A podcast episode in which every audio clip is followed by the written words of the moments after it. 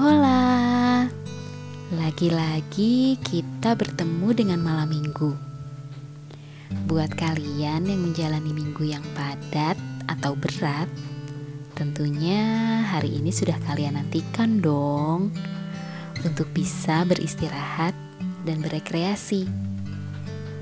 Apa pun agenda kalian, lagi-lagi kami pun dengan senang hati ingin menemani kalian meskipun hanya untuk sekejap waktu. Malam ini kami ingin berbagi tentang salah seorang yang juga spesial di dalam keluarga. Mereka yang memiliki predikat sepupu. Buatku, sepupu adalah mereka yang tidak hanya berperan sebagai saudara, tapi juga sebagai sahabat.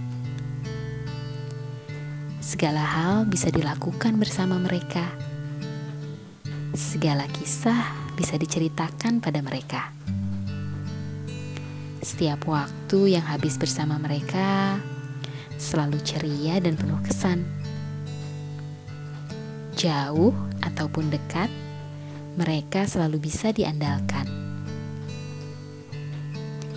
Bersama mereka aku belajar tentang menghargai segala perbedaan, tentang menyatu dalam keanekaragaman, tentang mengerti dan menerima, tentang memaafkan dan memberi kesempatan,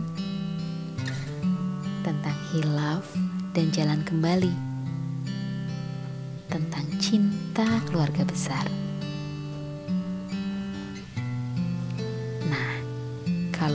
Menurutmu, bagaimana Kathleen? Tanyaku padanya. Lalu dia menjawab, Sepupu. Hmm, gimana ya?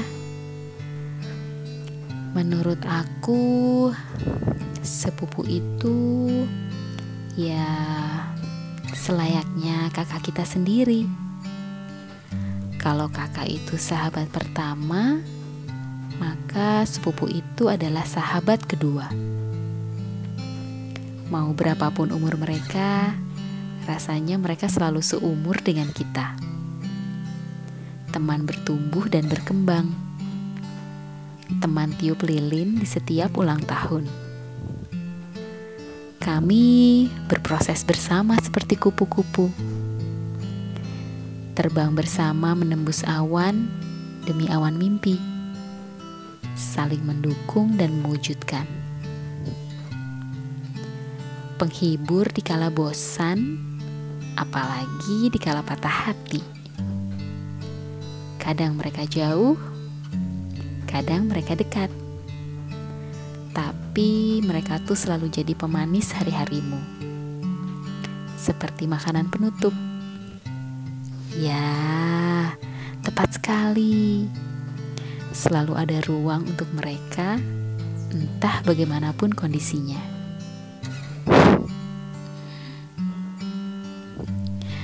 Lucu juga, aku jadi terpikir, betul juga, para sepupu itu memang manis. Nah, sekarang giliranmu, ucapku pada biru. Kalau menurut kamu, bagaimana? Biru pun langsung membuka suara. Begini katanya. Tentang sepupu. Bicara tentang sepupu itu bicara tentang sahabat di masa kecil. Sahabat yang selalu meramaikan suasana di setiap acara keluarga teman masa kecil yang dijadikan bank contekan. Secara sepupuku selalu lebih pintar matematika.